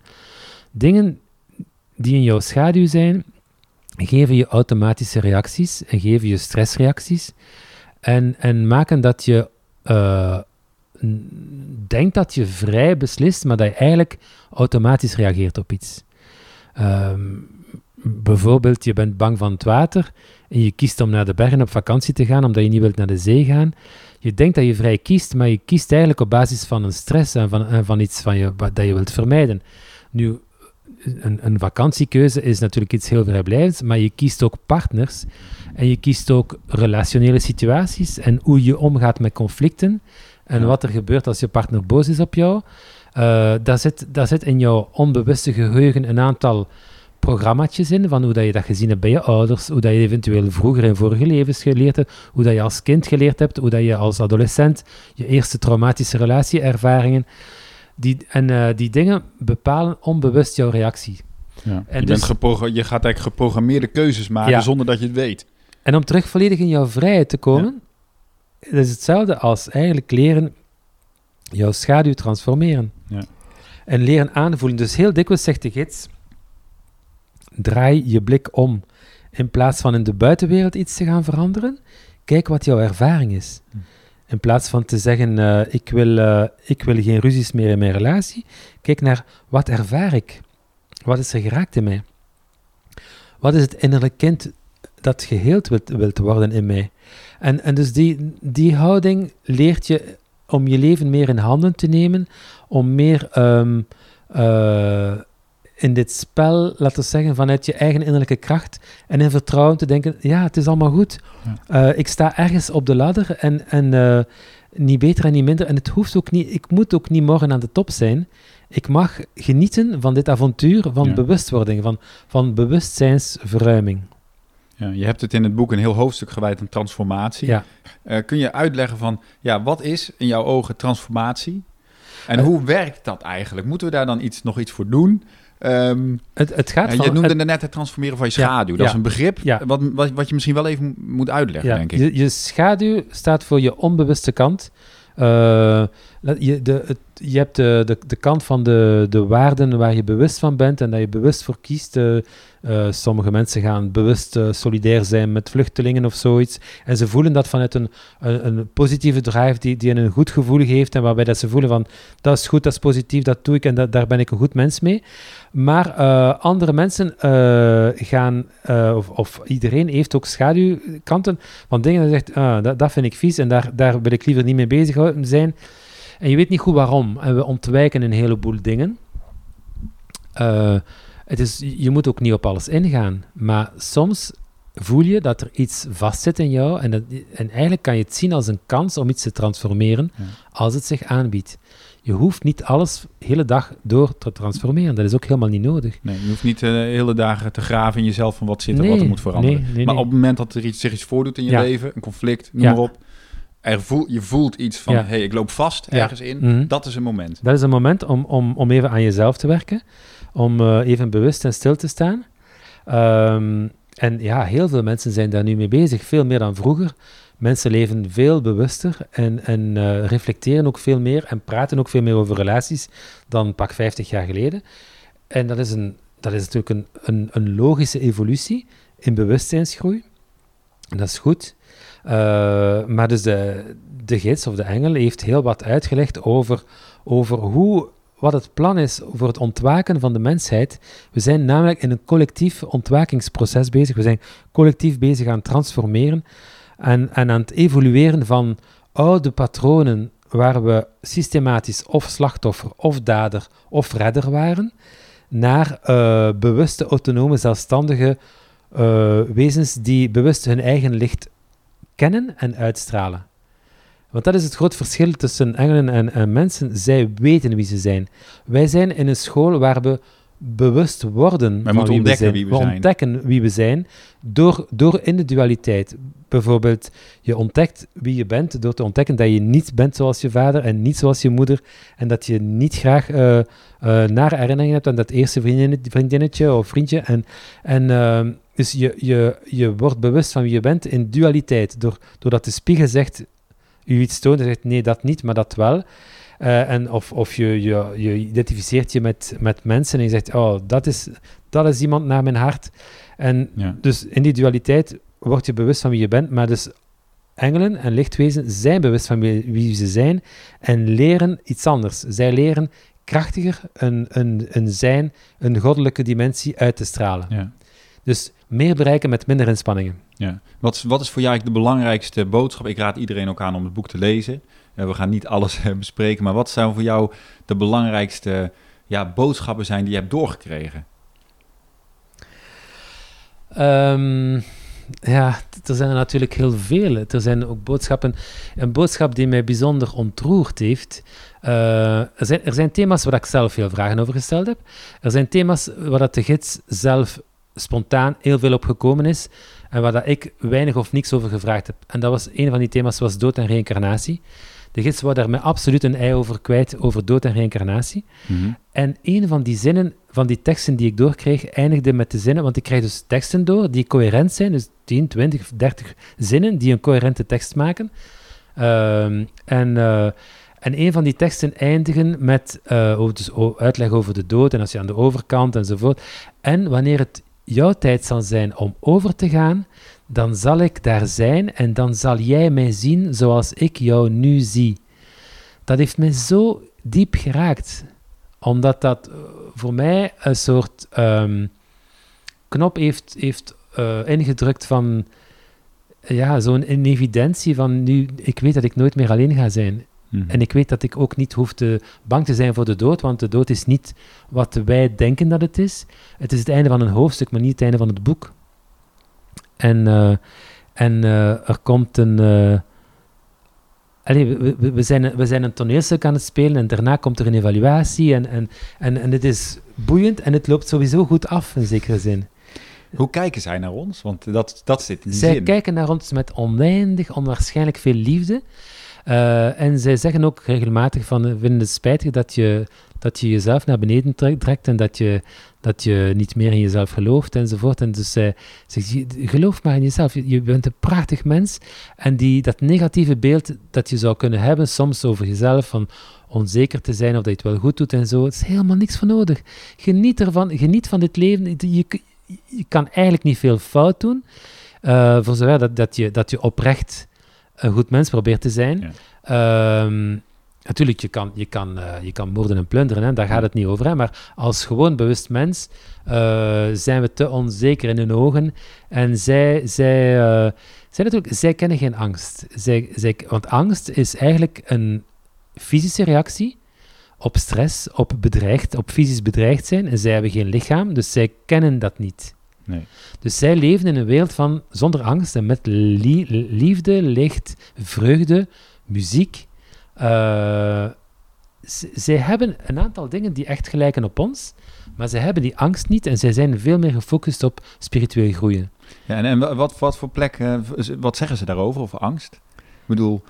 Uh, Eh, er is natuurlijk functionele angst ja, hè, bij het ja, oversteken van Ja, een eh, drukke weg. dat is functioneel, nodig. maar we hebben natuurlijk... Angst is ook vaak een belemmering om net die stap te zetten die we eigenlijk zouden willen. Ja, zij zeggen, kijk, er is nu veel meer spirituele energie aanwezig. En met die spirituele energie, als je daarvoor open staat, als je een bepaald kantelpunt bereikt hebt in jouw groeiproces, kan je daar leren mee werken en om die angst te transformeren. En kan je dus eigenlijk eh, leren kijken naar die angst, ervaren waar in jouw lichaam voel je die angst. Eh, adem daardoor, adem, adem, maar je moet leren ademen op een bepaalde manier, wat zij noemden prana-ademen. Prana is de, de, de, energie van ons energetisch lichaam die groter is dan ons fysisch lichaam. En als je bewust door je hart prana ademt, eh, voel je door die ademhaling dat je, dat je moet ik zeggen, het energetisch ei rondom jou opgevuld geraakt. En dat je veel krachtiger bent. En zij zeggen, adem door die angst. Waar in je lichaam voel je die angst? Ga met je bewustzijn naar die plek en adem erdoor. Zij, zij hebben een hele andere manier van, van te kijken naar, dus in plaats van angst te ontwijken, gaan ze zeggen, adem erin en, Kijken en, naar- en, en kijk ernaar, word er bewust van en, en ruim het op.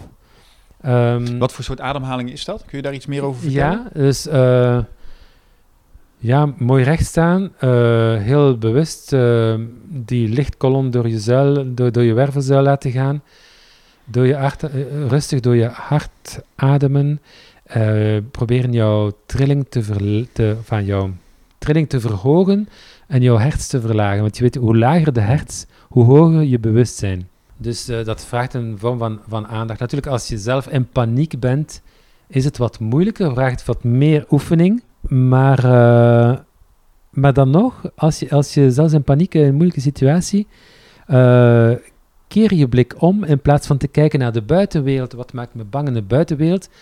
Eens je begrijpt dat de buitenwereld een spiegel is van jouw innerlijk toneel, keer jouw blik om en ga kijken naar jouw ervaring. Waar ben ik bang van? Het onderzoeken eigenlijk wat er bij jezelf Ja, soort... zelfs bijna niet onderzoeken. Ervaren, in je, eh, ervaren en, en waar in jouw lichaam en breng het naar je hart en adem erdoor. Dat, zei, dat hebben ze mij doorgegeven als techniek. Ja. Ehm, ik begrijp dat, dat ik dit kwatsch zou gevonden hebben toen ik twintig was, maar ik doe het en het werkt. Dus ik denk dat, dat, je, ik denk dat er toch een bepaalde gradatie is. De beginnende eh, spirituele zoeker heeft daar moeilijker mee. En na een tijd ga je daar gemakkelijker mee omgaan. Maar het helpt enorm veel om te mediteren. Dat hebben ze mij ook dikwijls gezegd. Mediteer regelmatig. eh, om een bepaalde energetische trilling te, te kunnen houden. Wat waren nog meer boodschappen die, eh, die echt tot jou spraken of die, eh, die er uitsprongen? Er zijn natuurlijk een heleboel hè, in het boek. maar- Ja, er zijn een heleboel. Welke, welke vond jij inspirerend? Ehm, even kijken. Ehm, eh, iets over de wet van de aantrekking. Had je een leuke Ja. vraag? Ja, dat, was de- dat is natuurlijk een, een, een grappige passage. Over overvloed. Ja, hij was Over over overvloed. vertellen. Eh, ik, ehm, ik was bezig met overvloed. Ik had een boekje gelezen over, over de wet van aantrekking.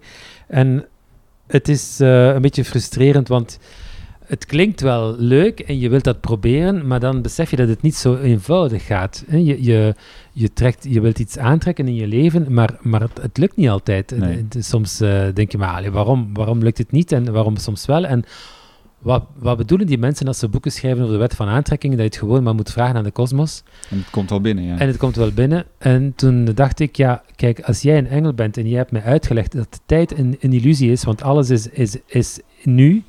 En tijd, er zijn maar gewoon verschillende dimensies in het nu, maar alles is, alles is aanwezig nu. En alles reageert op jouw trilling. Dan dacht ik, als, als alles nu is, kan jij even in de krant van de volgende maand kijken wat de beurskoersen zijn. Dat zou mij wel interesseren. ja. Misschien, ja, je bent een engel, je meent het goed met mij. Ik had zoiets van, ik denk, dat, dacht, ik, ik denk dat ik iets Ik kan wat hulp gebruiken bij de aandelenkoers. ik, denk dat ik, iets- ik denk dat ik iets verkeerd doe, maar dan nog wil ik de vraag stellen, want het interesseert me om te weten, wat doe ik dan verkeerd? Het zal mij ook helpen. ja. Dus ik had zoiets van, ik zal waarschijnlijk bot vangen, maar het is toch interessant. Ja. En het antwoord was spectaculair. Eh het staat in mijn boek. Het antwoord was, eh, je hebt nu meer geld dan vroeger. Want inderdaad, ik was vroeger een berooide student en nu ben ik een welstellende burger. En eh, je hebt nu meer geld dan vroeger. Maar als je geld vraagt zonder te weten waarom, wat je ermee gaat doen, dan gaat het nooit genoeg zijn. Nog een miljoen bij op je rekening, je gaat nog geld vragen. Je weet niet wat je ermee wilt doen. Dus eigenlijk is het de foute vraag. De, de, de echte vraag is, wat wil je doen?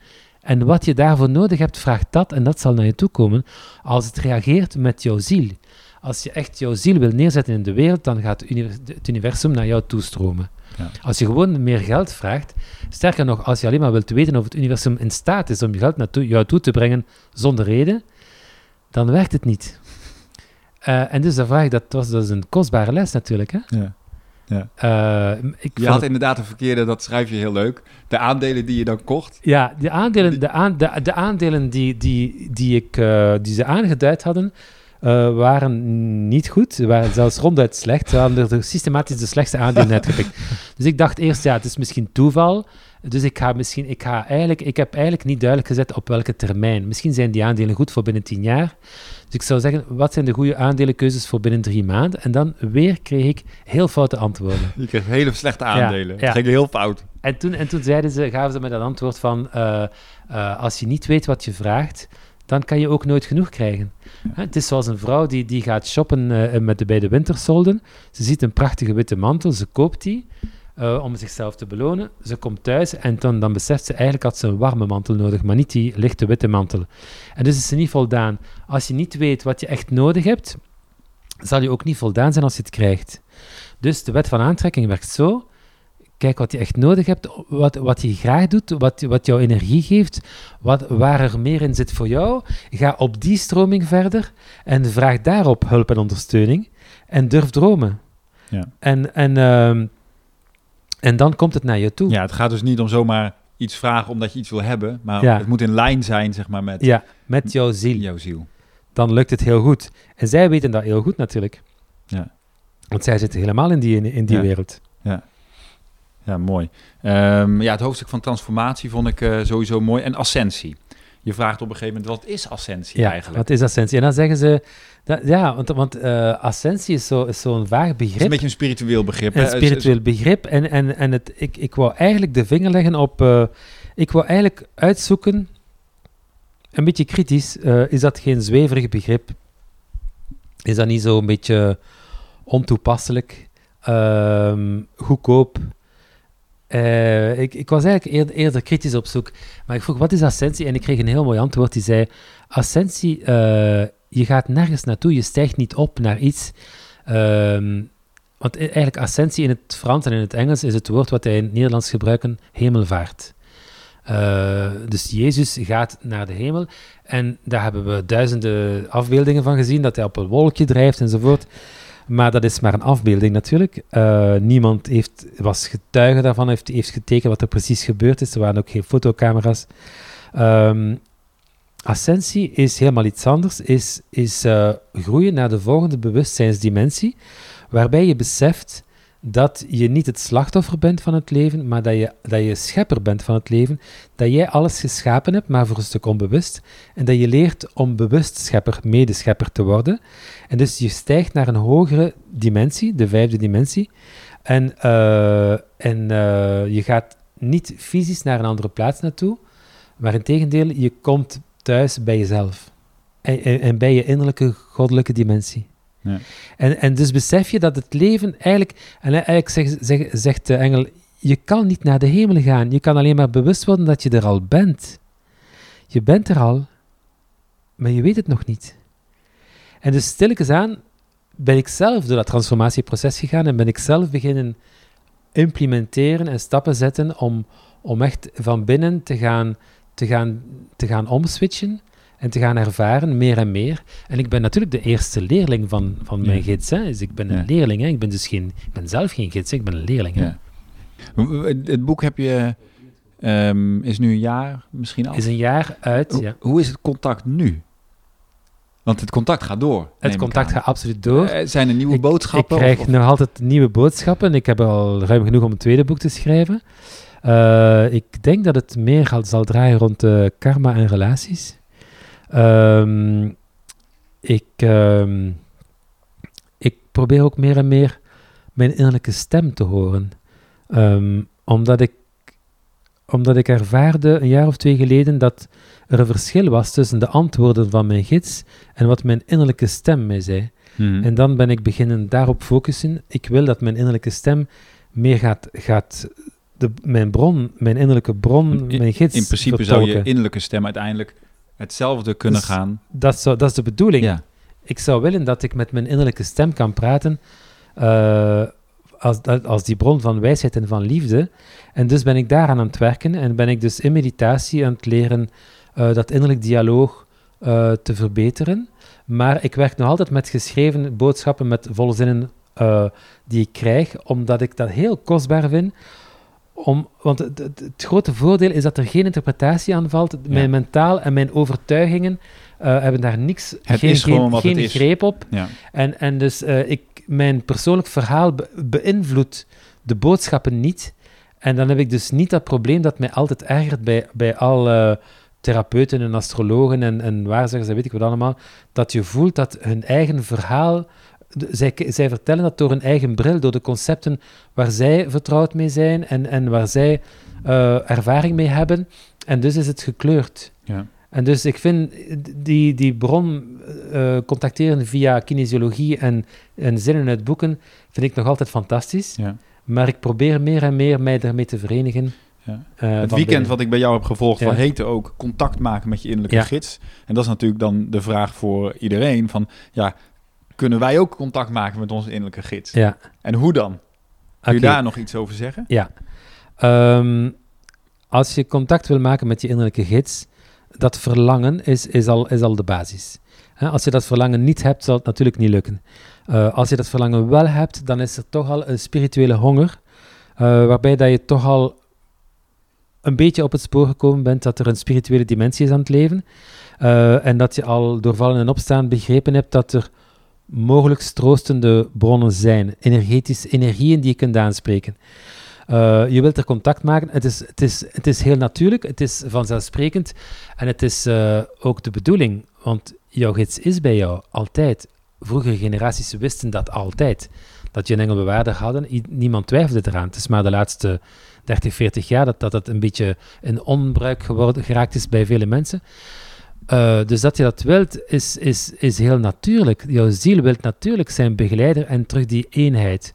Zo'n beetje de mythe van eh, jouw tweelingziel terugvinden, jouw verenigen met jouw tweelingziel. Eigenlijk, Is, het, is het toch er- ergens wel een deel van onszelf? eigenlijk of- is, is het een verwijzing naar jouw ziel wilt zijn andere helft vinden, die aan de andere kant van de sluier is. Ja. En jou, de tweelingziel van jouw ziel is jouw engel. En, ehm, en ehm, dus het is normaal dat je contact wilt zoeken met, met jouw tweelingziel. Het is een, een heel natuurlijke honger. Als je dat hoort, dan ben je in contact met je ziel. Ehm, wat zijn de mogelijkheden? Wel, regelmatig mediteren is er één. Ehm, inspirerende boeken is, is een tweede. Luisteren naar synchroniciteit en, en toevalligheden in jouw leven, maar die synchroniciteit en die toevalligheden die zo'n wauw-gevoel geven. Eh, die zo'n gevoel van vreugde en enthousiasme geven. Vreugde en enthousiasme zijn typisch aanwijzingen dat jouw ziel geraakt is. Dus dat zijn de goede kenmerken om op vooruit te gaan. En aan de andere kant, ja, te neergeslaan, ontmoedigd zijn en, en vechten tegen, tegen monsters, dat is natuurlijk een aanwijzing van schaduw en angsten en iets om aan te werken en te transformeren. Ja. Een andere mooie piste om, om contact te maken met je gids is dat je eigenlijk elke nacht droom je. En dromen zijn eigenlijk brieven vanuit de hemel, eigenlijk boodschappen vanuit, vanuit jouw goddelijke dimensie. De hemel is niet een andere plaats, is een andere dimensie in jou. Ehm, en dus als je leert, weinig mensen weten dat, maar je kan workshops volgen om de taal van dromen te, te leren begrijpen. Dat is, daar, daar bestaan veel boeken over. Eh, dat is een, een vrij eh, goed uitgewerkte eh, praktijk. Eh, dromen komen in, het, in de taal van de symbolen, omdat op het moment dat je droomt, is jouw mentaal, jouw, jouw rationele brein uitgeschakeld. Die slaapt op dat moment. Maar jouw ziel is, is aanwezig en die krijgt beelden door. En die beelden, die hebben een betekenis. Als je ze natuurlijk logisch analyseert, hebben ze geen zin. En eh, dan kan Ja, je... sommige dromen zijn, nou, zo vreemd als het maar zijn kan. Ja, maar dat zijn juist... Dat, de, dus Daar negen- moet je juist extra alert ne- zijn. Negen Oh. dromen op tien zijn totaal incoherent op het rationele vlak. Bijvoorbeeld, eh, eh, eh, ik, ik, ik, ik als man ben zwanger en, en, en schaats op het water, maar er is geen ijs, maar ik, ik, ik val er niet door. Dus dat is pure nonsens als je het logisch bekijkt. Maar als je het symbolisch vertaalt, ik voel mij vol leven en, en, en, en vol van een nieuw levensproject. Uh, ik slaag erin om niet te verzanden in water en emoties en, en op, op de oppervlakte te blijven, dan is het, dan is het plots heel zinvol. Ja. Maar, maar als je natuurlijk uh, dromen analyseert puur rationeel, dan, dan komt het besluit dat dat niks wil zeggen. Een droom gaat altijd over de dromer. Droom gaat Klopt. altijd alleen maar over de dromer en alle personages van de dromer zijn delen van jou en tonen jou, geven jou een beeld van jouw innerlijke realiteit. Um, ik heb het ondertussen al, al dus ik heb die workshops gevolgd vijf jaar geleden. Ik heb ondertussen al honderden dromen opgeschreven en telkens met echt uh, een uh, ontroering en genoegen gelezen hoe, hoe ik echt een boodschap krijg van mijn engel. Ja, tijdens over... het weekend met jou had ik zelf natuurlijk ook een droom. Ja, ja, ja. ja, ja. En, en, en, inderdaad gelijk opgeschreven, want die, die, die, die dromen van betekenis die ben je eigenlijk vrij snel kwijt. Ja. Dus je moet eigenlijk op het moment dat je wakker wordt gelijk schrijven. Ja. Want anders is het inderdaad, en dat heb ik ook vaak hoor, dat ik dan een droom heb en dat die eigenlijk na een half uur is die gewoon helemaal weg. Ja. He, dus, dus je, als je dat wilt, moet je gewoon de discipline hebben. Ten eerste, uh, sommige mensen zeggen ik onthoud mijn dromen niet. Bij het inslapen zeg je uh, een halve minuut na elkaar, dertig keer na elkaar, ik wens om mijn droom du duidelijk te herinneren. Uh, doe dat een week en je bent zeker dat je daar resultaat mee krijgt. Zet een papier klaar met een, met een potlood naast jouw bed. Voordat je uit je bed stapt, laat je de film van de droom nog eens naar je bewustzijn en loop, loop je die nog eens af. Dan schrijf je die onmiddellijk op. En dan met zoveel mogelijke details, want elk detail van het beeld is belangrijk. Een beeld uh, heeft, uh, heeft, houdt tientallen details in, zoals hoe was het weer, hoe was de sfeer, uh, wie, wie, was, er na, was er nog iets in de achtergrond. Noteer zoveel mogelijk, want alles heeft betekenis als je het hertaalt in, in symbool, uh, uit de symbolische taal. Ja, wat moet iemand doen die zegt van ja, ik heb dat gedaan. Ik denk dat deze droom van belang is voor me, maar hoe interpreteer ik wat ik nu heb gedroomd? Wel, volg een cursus, volg een workshop uh, droomanalyse. Ja. Of ga eventueel uh, bij iemand te raden. Zijn er boeken die je kan uh, aanbevelen? Er zijn heel wat boeken die daarover bestaan. Er zijn echt veel boeken over droomanalyse. Hoor. Jung heeft daarover geschreven, maar er zijn tientallen recente auteurs. Er zijn ook, er zijn ook scholen en, en, professionelen die daar niet niks anders doen. Um, maar er zijn, er zijn ook workshops dat je, dat je nu nog kan volgen. Ja, de grote mind shift is eigenlijk al dat je gaat zien dat alles in de droom over jou gaat. En ja. dat het delen van jezelf zijn. Absoluut. Daar begint het eigenlijk mee. En je hebt het ook ervaren in jouw droom. Hè? Het leek een heel verhaal Klopt. met een heleboel mensen, maar uiteindelijk past het allemaal perfect in jouw plaatje. Ja. En ik hoorde ook een stem, hè? Ja. Bij het op het ontwaken, eigenlijk, ja, was precies die stem. Ja. Uh, die tegen mij toen zei, wees niet bang, ga zo door. Ja. En die, dat was inderdaad dat moment van wakker worden, wat ik nog nooit eerder had meegemaakt. Maar naar aanleiding inderdaad mm. tijdens het weekend. En dat ik heel bewust zei van, ik wil deze droom onthouden. En ik wist ook wel van, er komt iets. Mm. Ja, dat was een hele mooie ervaring, ja. ja maar zo, zo zijn er dus uh, ja. duizenden en duizenden mensen die, die, die, die, die dat regelmatig ja. doen. En die daar een heel mooi contact met een gids mee hebben. Dus dat is al ook heel waardevol. Natuurlijk, uh, het, is, het is heel fijn om, om het te doen op, op de manier waarop ik het doe met, met die, met die ja. zinnen. Dat ligt mij. Andere mensen ja. vinden het leuker om het te doen met tarotkaarten of met engelenkaarten of met, uh, met astrologie of met numerologie. Uiteindelijk, die, die methodes zijn allemaal waardevol. Er is niet één methode, net zoals er niet één schilderstijl is, maar je hebt een stijl die resoneert met jou. Voor mijn kritische geest die bang was om, of die, die niet alleen maar bang was, maar die gewoon uh, moeilijk kon wantrouwen in een boodschap als ik voelde dat er een persoonlijke interpretatie aan zat. Uh, ik kon moeilijk kon vertrouwen in een boodschap als ik voelde dat de, de, de persoon die ze voor mij interpreteerde zijn persoonlijke kleur aangaf. Voor mij was dat heel belangrijk om een boodschap te krijgen waar de gids zelf zijn woorden in koos. En daar heb ik mij enorm aan vastgehouden en nu nog altijd. Ik vraag van waar is het eerste woord en tot waar is het laatste woord en ik schrijf dat over. Ja. Niks anders. Ja. En in mijn boek ga ik hier en daar zinnen verschuiven omdat ze mooier vloeien of, of, omdat er soms herhalingen zijn of omdat ik soms zie dat een zin bijgevoegd was die eigenlijk hoort bij vijf zinnen eerder. Maar ik, ik verander niks aan de boodschap. Niks, nee. en, en, en, uh, en, en dat vind ik juist zo, zo... Ja, het zou idioot zijn om dat te veranderen. Want ja. het is juist het gave dat, dat de gids, Ja. de engel zelf, zijn woorden mag kiezen door dit kanaal. Hoe, hoe, wat is eigenlijk de reden dat het toch een, um, dat het toch een verborgenheid is? Hè, er moet op een bepaalde manier contact gemaakt worden. Daar moeten we best wat moeite voor doen. Ja, je moet er, moet er best wat moeite voor doen. Ja, en, Heb je en- daar een- en toch is er zoveel hulp en zijn ze zo bereidwillig om te helpen. eh, als je het maar vraagt, dus de, de, de spirituele wereld reageert op jouw intentie. Ja. Dus dat is belangrijk, die intentie uitzenden, eh, jouw middel zoeken. En, en eh, denk je dat, eh, eh, ben je vertrouwd met kinesiologie? Denk je dat dat jou ligt? Probeer het, Ja. verfijn het en, en ja, vrij snel zul je het op jouw manier doen. En het zal waarschijnlijk niet juist dezelfde zijn als de mijne. Oefening baart kunst. Natuurlijk, natuurlijk. Ja. Maar, maar weet dat, dat je enorm beloond wordt voor jouw zoektocht. Dat heb ik trouwens ook als, heel snel doorgekregen als zin. We zijn jou ontzettend dankbaar voor jouw zoektocht. Dat was een van de eerste zinnen Mhm. die ik kreeg. Eh, en, en dat ondertussen heb ik wel van vele mensen gehoord dat ik niet de enige ben, dat ook andere mensen zich herkennen daarin en zeggen, ja, ik herken veel van jouw zoektocht. Ik, ik, ik heb niet dezelfde zoektocht als jou, maar ik herken heel veel stadia Ja. eh, in, die, in die zoektocht. Ik heb ook eh, die, een, een andere vorm van contact met gidsen, maar die, die liefdevolle aanwezigheid en die signalen en die, en, en die boodschappen en die bevestigingen die ik gekregen heb en zo, eh, dat is wel een universele ervaring. Ja, ja. Komt er een tweede boek? Ik eh, zou denken van wel, want ik, ik, heb al, ik heb al zinnen gekregen over er komt een tweede boek. Ja, want Oh. het boek is eigenlijk geschreven in opdracht. Ja, eigenlijk wel. Je schrijft dat ook Ja, van, ja, ja. eh, op een gegeven moment, jij kreeg de boodschap door van je gaat een boek schrijven. Ja, ja, ja. ja. En, en toen dacht ik, dat is wel heel, heel van de pot gerukt, want ik, ik, ik, ik vind het wel leuk van een boek te schrijven. Het idee van een boek te schrijven, dat, dat, dat lag mij goed.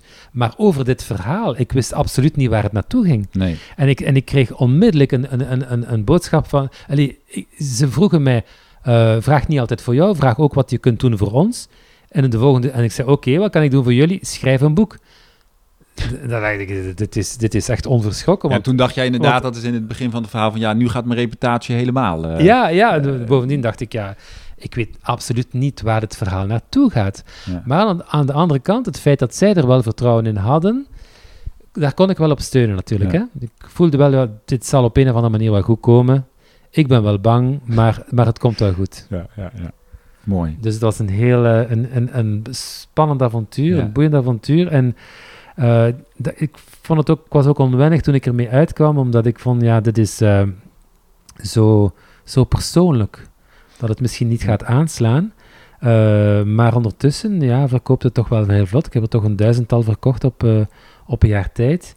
Eh, terwijl dat het eigenlijk niet beschikbaar het is. Het is niet Nee, mensen kunnen het alleen via jouw website bestellen via, of even kijken. via mijn website of via de website van de uitgever. Of, Shop, eh, of shopmybooks.com. ja, shopmybooks.com. Ja. Of via het ISBN-nummer die, die in het, op de eerste bladzijde staat. Ja. Dat is een internationaal Ik zal nummer de waar- aantekeningen in de, onder de ja, uitzending zetten. waarmee, je, waarmee je overal een boek kunt bestellen. Ja. Eh, maar het staat niet gewoon in de boekhandel. Eh, dus ja, je hebt wel een Franse vertaling en Ik je bent nu bezig met een en ik ben nu bezig met een Engelse vertaling en ik word dus constant gevraagd om lezingen te geven. Eh, dus ik heb er nu 18 gegeven en ik had er in, in, in het begin heb ik er drie zelf georganiseerd en daarna zijn ze altijd op uitnodiging geweest door verenigingen of mensen die gewoon vrienden bij zichzelf thuis uitnodigen. En zo gaat het verder. En mensen die mijn verhaal horen, eh, hebben meestal zin om het, om het boek ook te kopen. Eh, dus eh, dat systeem van lezingen is een goed systeem om het boek verder te brengen. Ja, ja. En dan zijn er mensen die er eh, tien kopen nadat ze het gelezen hebben of zo. Of zelfs een osteopaat die kinesiologie gebruikt, heeft er twintig gekocht om aan zijn patiënten te geven.